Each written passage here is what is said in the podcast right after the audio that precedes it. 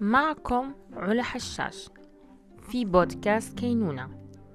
الحلقة الرابعة بعنوان الانطباعات الخاطئة عن المرشد النفسي. نحن الآن في ظل جائحة كورونا نحتاج إلى الدعم النفسي من قبل أشخاص متخصصين والأصدقاء والعائلة. ونحتاج إلى التفريغ عما في داخلنا لأننا بكل بساطة لا ندرك ولا نفهم ما الذي يجري حولنا.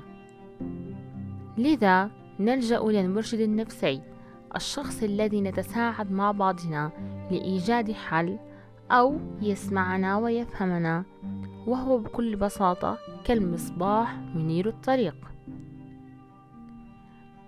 من الأخطاء الشائعة عن المرشد النفسي. أولا المرشد النفسي لا يقدم حلول جاهزة للمشاكل ولا يملك عصا سحرية حتى يتغير حالنا للأفضل ولا يملك قوة سوبرمان. ثانيا أن المرشد النفسي ليس لديه أي مشاكل في حياته. ثالثا أن المرشد النفسي لديه قوة خارقة لتحليل الشخصية من نظرة عين.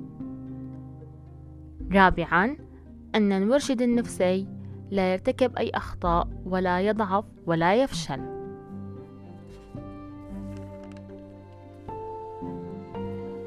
ومن هذا نرى بعض الأشخاص يقومون بدور المرشد النفسي لكن بشكل خاطئ وفادح من خلال عرض فيديو وتقديم استشارات وحلول للناس.